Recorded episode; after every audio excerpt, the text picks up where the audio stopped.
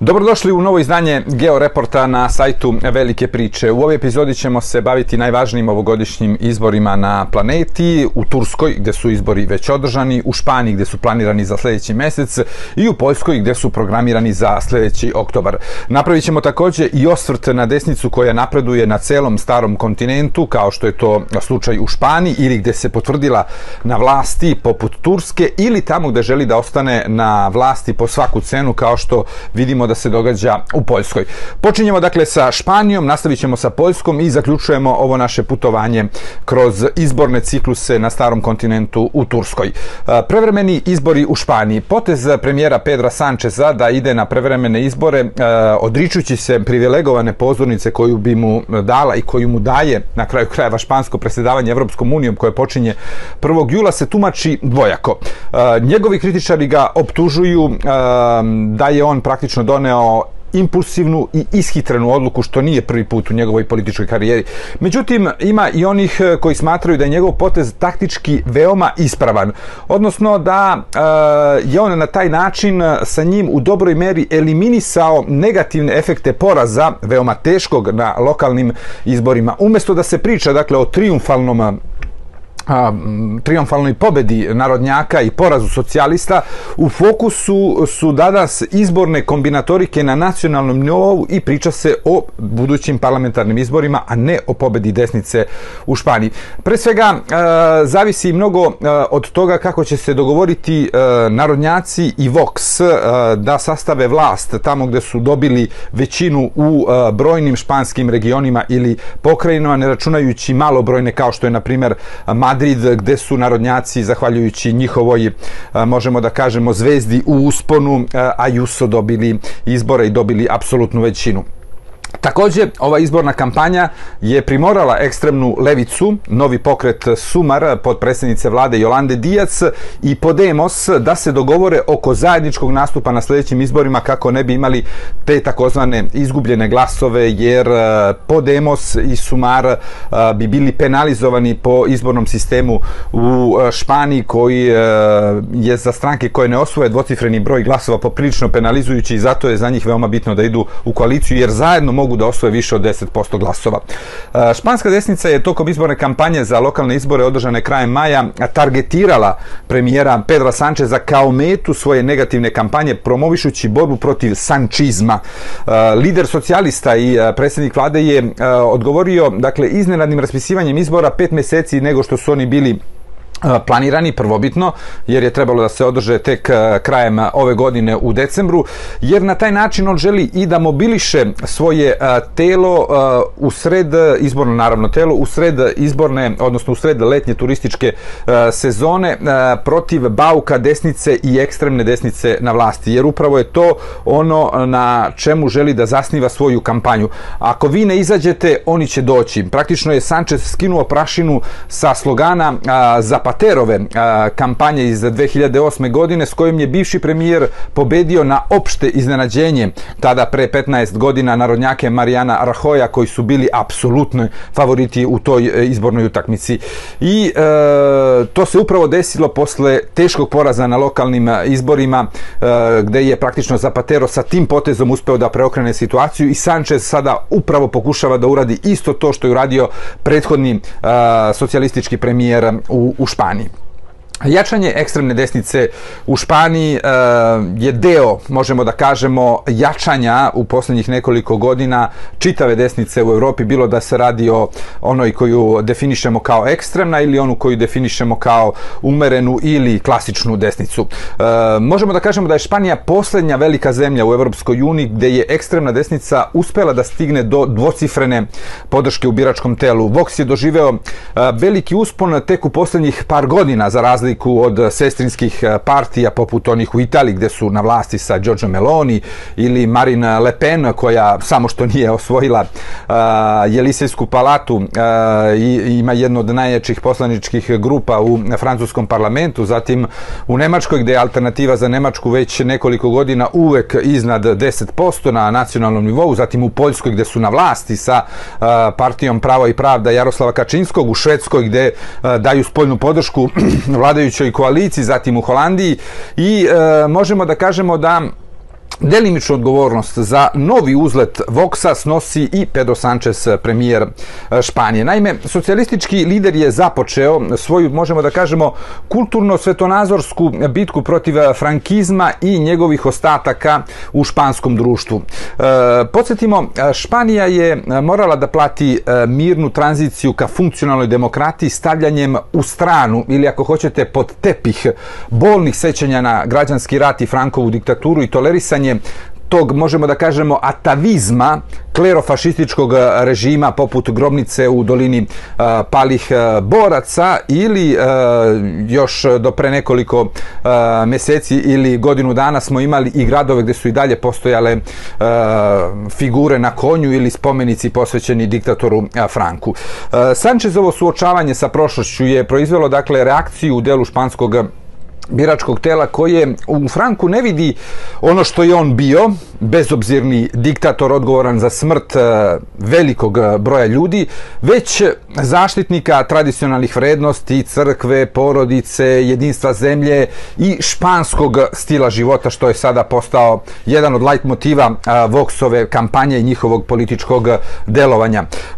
To objašnjava, s druge strane, folkloristički deo nastupa lidera Voxa i Santiago Abascala, njihovog lidera, od odbrane koride na jednoj strani i hrišćanstva do veličanja idalga i lokalnih običaja i rituala. Takođe, ultranacionalisti su iskoristili i usvajanje zakona koji su omogućili da brojni političari uključeni u organizacije u organizaciju protivustavnog referenduma o nezavisnosti Katalonije 2017. godine budu oslobođeni ili da im budu značajno smanjene zatvorske kazne, a u isti korpus grešaka ulazi i pojavljivanje bivših terorista eh, ETA na listama eh, poslanika Baskijske partije Bildu koja je otprilike naslednica Batasune koja je nekada bila eh, političko krilo Baskijske terorističke organizacije i oni takođe daju podršku Sančezovoj vladi zajedno sa radikalnom republikanskom levicom iz Katalonije.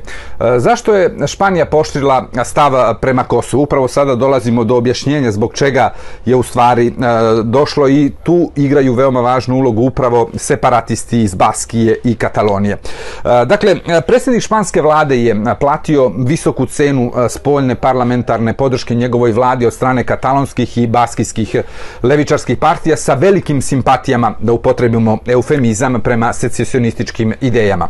Jedan od razloga zašto je Španija postala još rigidnija oko pitanja priznanja jednostrano proglašene nezavisnosti Kosova je upravo Sančezova želja da pokaže da je njegovo savezništvo sa katalonskim i baskijskim separatističkim strankama taktičko, a ne strateško, da se ne radi dakle o potezu koji je a, dovodi u pitanje integritet Španije, već jednostavno način da se funkcioniše a, u sistemu u kojem dakle imamo jednu partiju koja je dobila najveći broj glasova, ali ne može da sastavi a, vladu zbog toga što nema apsolutnu većinu u parlamentu i potrebno je da napravi takve taktičke poteze. A, podsjetimo, a, Baskijska partija Bildu, kao što smo rekli, je naslednica Batasune, koja je godinama bila političko krilo bilo ETA, što je otprilike kao Sinn Fein irskoj republikanskoj armiji. S druge strane, katalonska republikanska levica je stranka koja u svom programu ima kao cilj eksplicitno navedeno nezavisnost Katalonije i borbu protiv monarhije, dakle udar na dva, jed, da dva od tri, možemo da kažemo, stuba te tradicionalističke Španije. Njen lider, Oriol, Oriol Junqueras, koga ste sigurno možda i videli, sećate ga se kada je bilo u žiži interesovanja neustavni referendum u Kataloniji, osuđen na 13 godina zatvora zbog organizacije tog referenduma, i e, pronevere regionalnih e, fondova.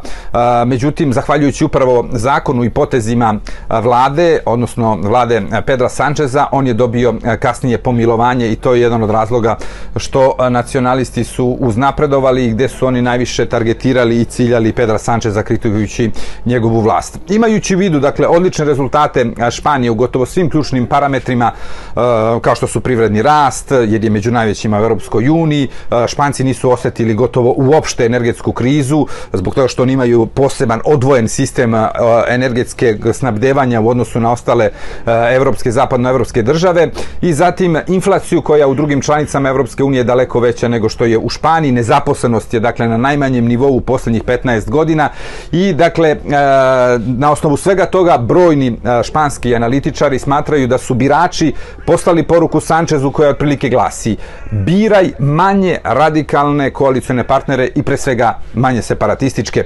Naravno, to je lako reći, ali posle kada se matematika, pogotovo ona parlamentarna, dovede u okvire realnog, shvata se da Sanchez jednostavno nije mogao drugačije, jer jednostavno nisu bili drugi partneri voljni da uđu u njegovu vladu, a da su pritom programski koliko toliko slični sa pozicijama socijalističke partije Španije. E, razlike između e, Sančesa i e, Fejha, novog lidera Narodne partije. Sančes i Fejh, osim što pripadaju različitim političkim ideologijama, su potpuno različite ličnosti.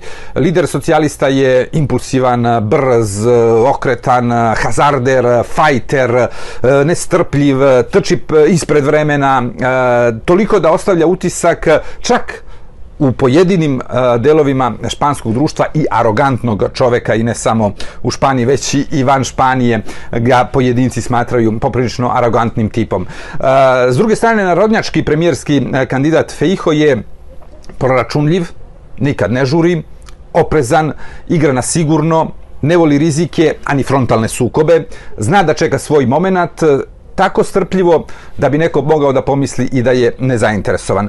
Dakle, nije slučajno e, da je Sanchez postao lider partije u 42. godini, a premijer u 46. godini, dok je Feijo ušao u politiku sa 42 godine, a lider partije postao kada je ušao u sedmu deceniju života. Feijo jeste galjego, kao Mariano Rajoy, kao i Francisco Franco ako hoćemo. Ali za razliku od e, svog zemljaka koji je u mladosti Marijana Rahoja e, bio član pokreta, e, možemo da kažemo nostalgičara za Frankovim režimom, Feijo je glasao za Felipea Gonzalesa, socijalističkog premijera tokom 80. godina i početkom 90. Kada su pojedinci unutar stranke pregovorili za grehe, možemo da kažemo, mladosti Feihu, on se maestralno izvukao citirajući čuvenu opasku koja se pripisuje Winstonu Churchillu da onaj ko u mladosti nije levičar, nema srce, a onaj ko u zrelim godinama nije desničar, taj nema mozak. neki bi se složili, neki ne bi sa tom opaskom. E, Sanchez je pokazao da zna da izgubi šta više e, i da napravi strateško povlačenje i izgubi bitku e, kako bi dobio rat. Napuštanje čela partije posle izbora 2016. godine i zatim triumfalni povratak 2017. na stranačkim izborima je primer par excellence političkog lukavstva i dalekovidosti.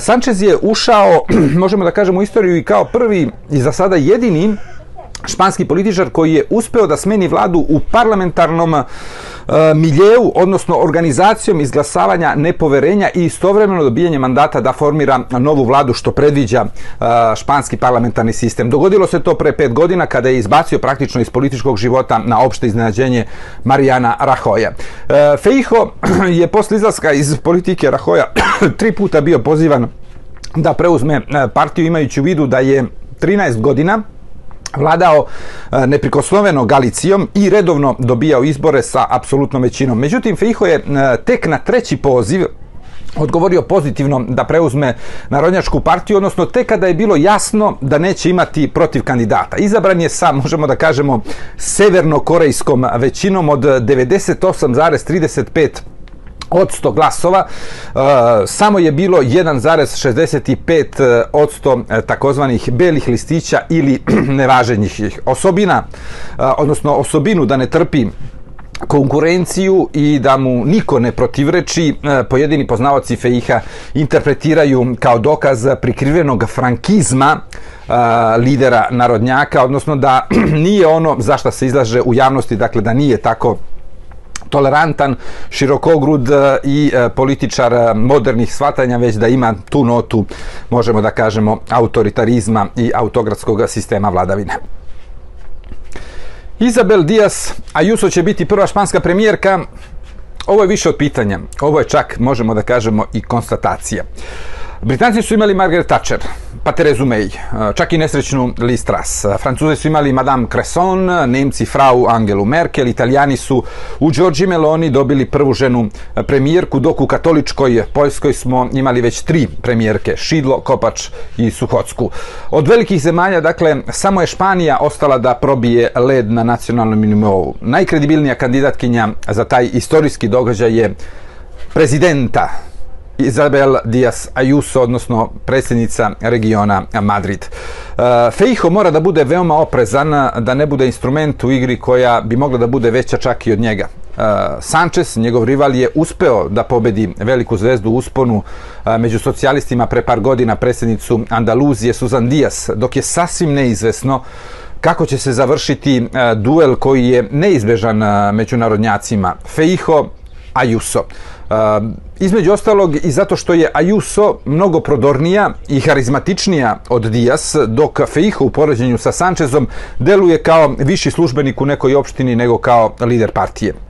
Ayuso je jedna od redkih lidera Narodne partije koja je osvojila apsolutnu većinu u pokrajinskom parlamentu i ne mora dakle da ulazi u koaliciju sa Voxom i da sebe na neki način kompromituje.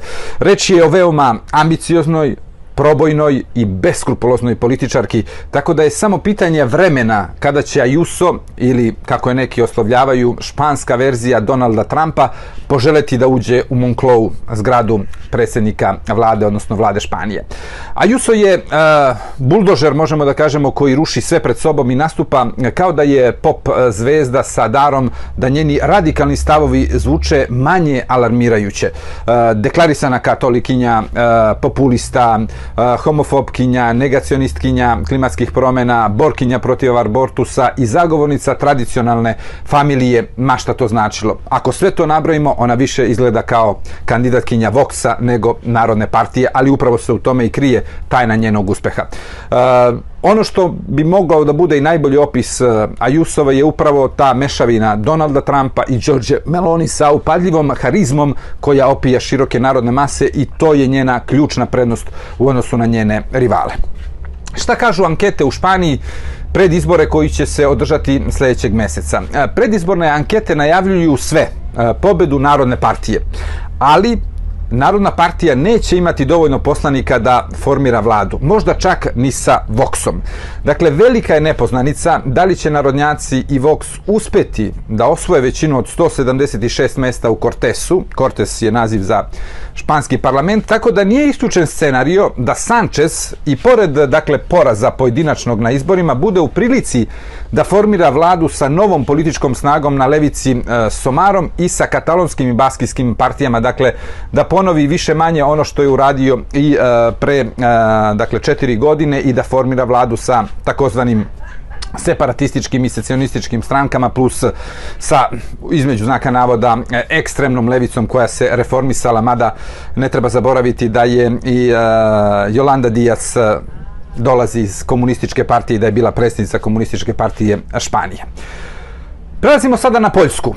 Korišćenje, dakle, ruske agresije za ostvarivanje stranačkih ili unilateralnih ciljeva. Poljski kleoropolistički režim je odlično iskoristio ruski napad na Ukrajinu da stavi u stranu, možemo da kažemo, svoje homofobne, homofobične, ksenofobične, euroskeptične, autokratske i kleptokratske karakteristike. Zahvaljujući Poljskoj svesrdnoj vojnoj pomoći, prihvatanju nekoliko miliona ukrajinskih izbeglica, protivljenju Osovini Berlin-Pariz, što se veoma dopada Sjedinim američkim državama i Velikoj Britaniji, u drugi plan su pale činjenice da u Poljskoj imamo grad koji, se, koji je sebe proglasio LGBT free, kao što su nekada nacisti proglašavali gradove uh, iz zemlje Judenfrei, dok u drugim mestima imamo patrole ekstremnih desničara koji bukvalno love pripadnike LGBTQ zajednice da bi ih maltretirali. Poljska je zemlja u kojoj se sudijama, koji se, izvinite, usprotive partijskoj kontroli prava i pravde stranke Jaroslava Kačinskog i Moravjeckog i Dude pronađu svoje ulazna vrata praktično zamazana ljudskim izmetom zatim primaju telefonske pretnje kao da nisu sudije nego ne bi mogli da kažemo ni obični građani, jednostavno nešto što je neprihvatljivo da sudije budu izložene takvoj vrsti maltretiranja. Dok državna televizija izveštava, možda bi najbolje mogli da se sete oni koji su tada bili dovoljno veliki, kao RTS u doba Miloševića 90. godina koji je mnogo, mnogo, mnogo gori od ovog RTS-a koji gledate danas i zato možda ta poređenja sa RTS-om nisu ni a, poštena niti, niti iskrena jer RTS 90. godina je zaista bio nešto sasvim drugo.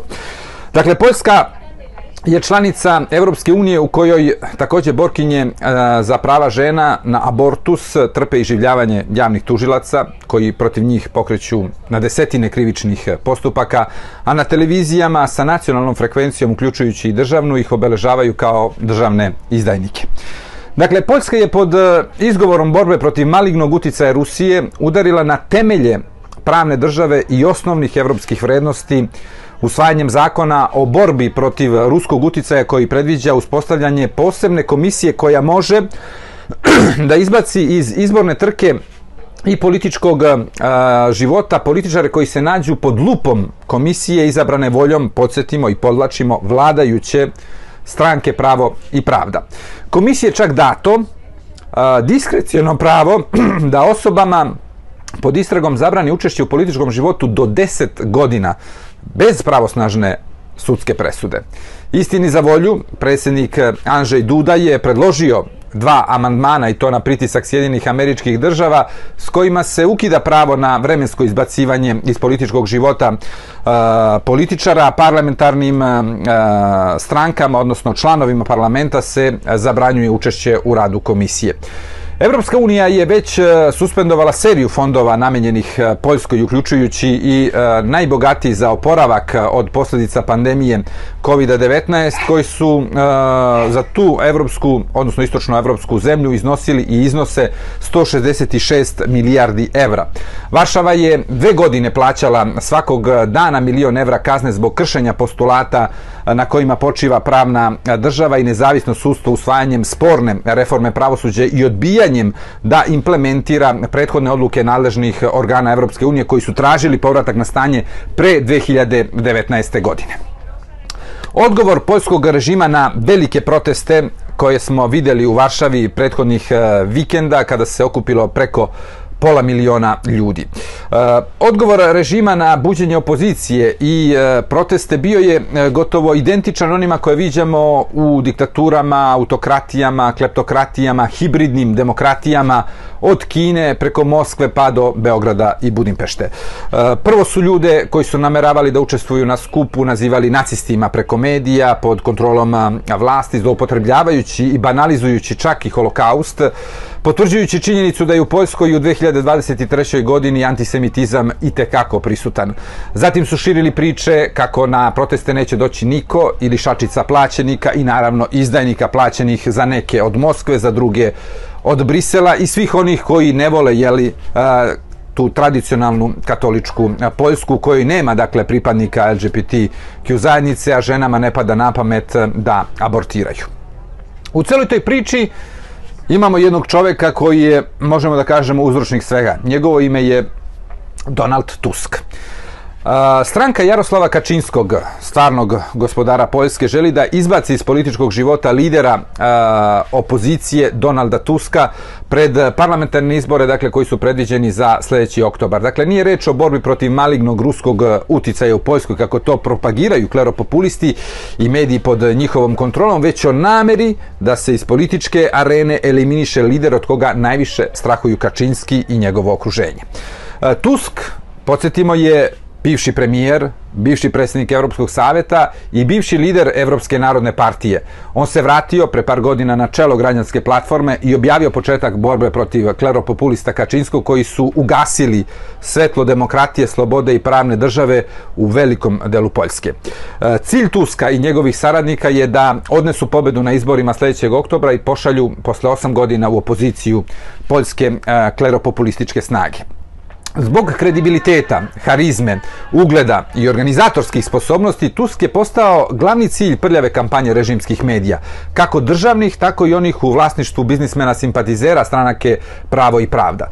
Tusk, Tuska optužuju da je bio sluga Brisela, zatim e, Berlina, odnosno da je vodio više računa o interesima Evropske unije i Nemačke nego Poljske.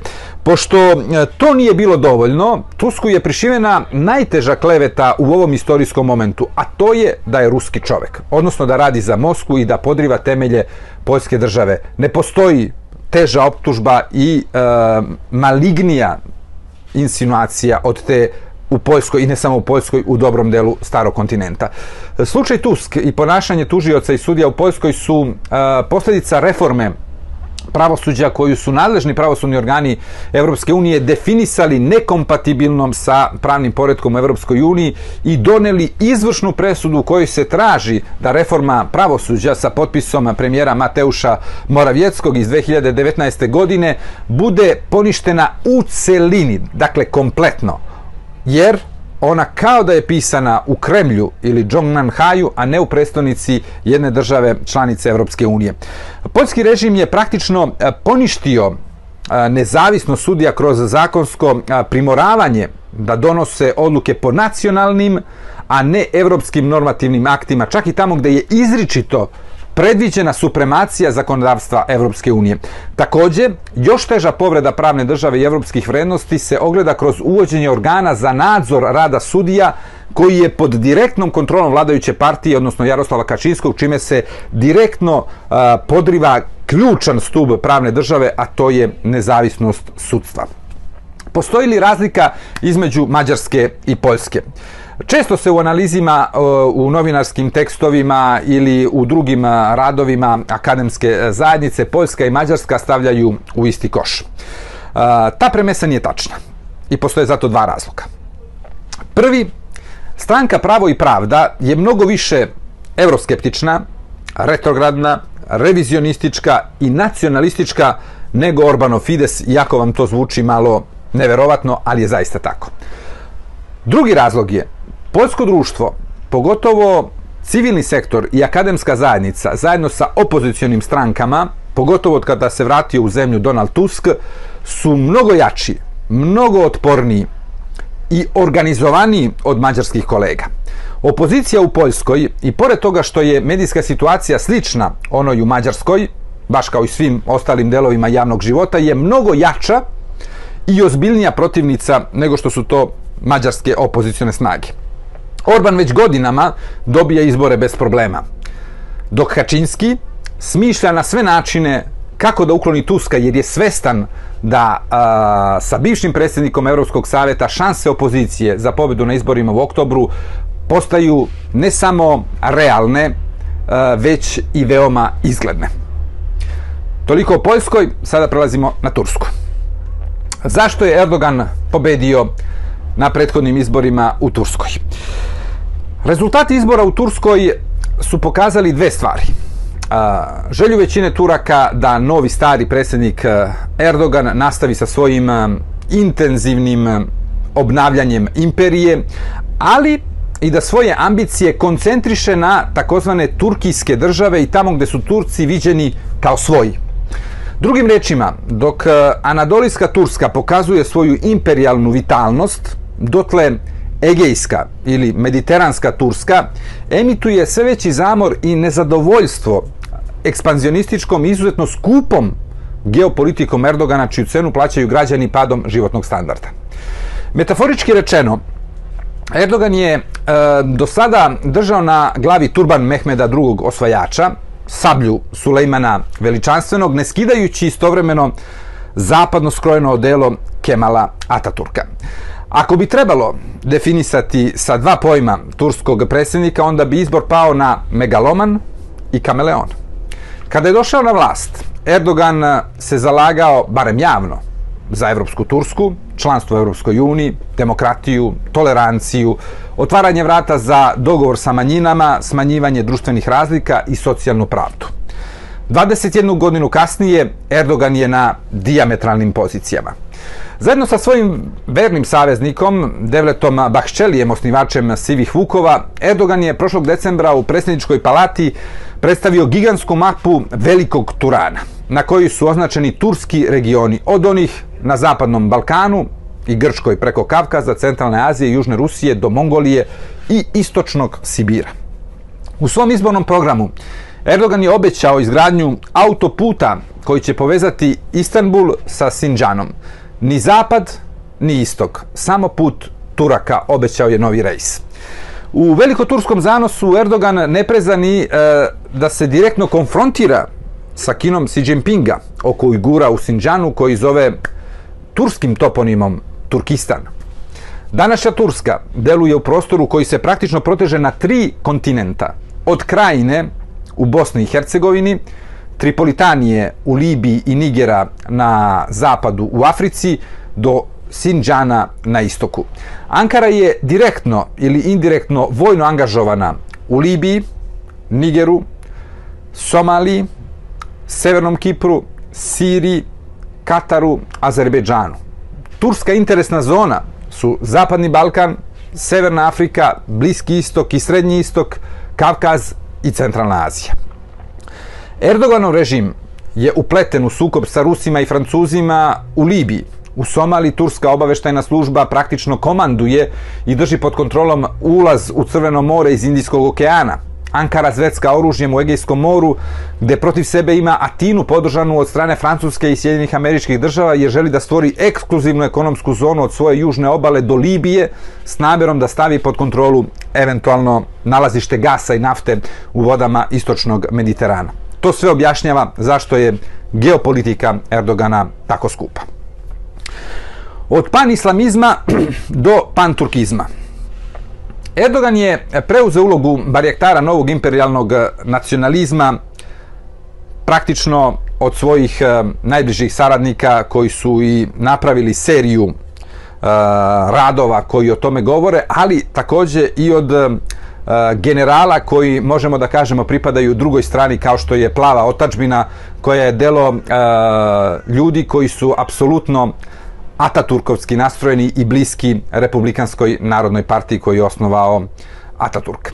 Pošto je shvatio da su uh, pan-islamizam kao motor neosmanlijske politike preveliki zalogaj za turske resurse i da su se arapske zemlje definitivno emancipovale od nekadašnje porte, Erdogan je kalibrirao svoju politiku na velikoturskom sentimentu, odnosno aterirao je sa panislamizma na panturkizam.